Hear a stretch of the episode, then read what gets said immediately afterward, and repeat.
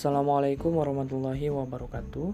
Perkenalkan, saya Iskandar Putra Pradana dengan NIM 2009019, mahasiswa Pendidikan Kewarganegaraan B, Fakultas Pendidikan Ilmu Pengetahuan Sosial.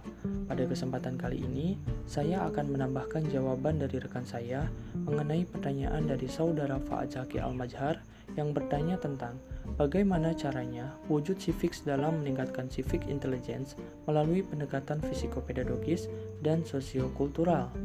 Untuk mempersingkat waktu, mari kita langsung saja ke jawabannya.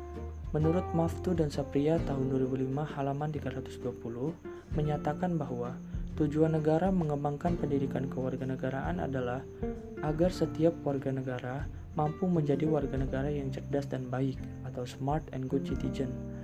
Warga negara yang cerdas dan baik atau smart and good citizen yaitu warga negara yang mampu memiliki kecerdasan baik intelektual, emosional maupun spiritual atau biasa disebut juga sebagai civic intelligence, memiliki rasa bangga dan tanggung jawab atau civic responsibility dan mampu berpartisipasi aktif dalam kehidupan bermasyarakat dan bernegara atau participation skill sehingga dapat menumbuhkan rasa kebangsaan dan cinta tanah air. Dari hal tersebut, tentunya sudah sangat jelas bahwa civic intelligence adalah bagian dari peran pendidikan kewarganegaraan dalam meningkatkan kecerdasan pada warga negara. Sehingga, untuk meningkatkan civic intelligence tersebut, tentunya dapat dilakukan melalui pendekatan-pendekatan yang dimiliki oleh ilmu kewarganegaraan, seperti psikopedagogis, yaitu proses pendewasaan individu pada warga negara, dan sosiokultural, yaitu proses pembudayaan pada warga negara. Adapun cara yang bisa dilakukan untuk meningkatkan civic intelligence pada warga negara adalah sebagai berikut. Yang pertama, memperhatikan dan meningkatkan kualitas isi, masukan, proses, dan hasil pembelajaran.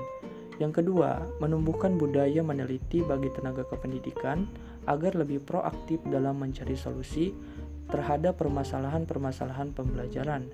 Yang ketiga, menumbuhkan dan meningkatkan produktivitas meneliti pada tenaga pendidik dan kependidikan, khususnya mencari solusi terhadap masalah-masalah pembelajaran.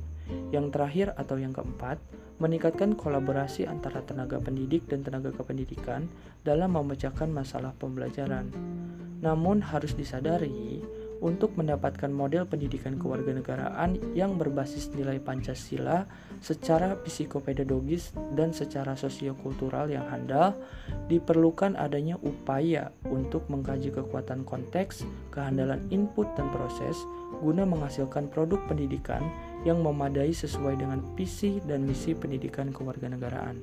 Mungkin cukup sekian yang bisa saya sampaikan, kurang lebihnya mohon maaf. Sekian dari saya. Wassalamualaikum warahmatullahi wabarakatuh.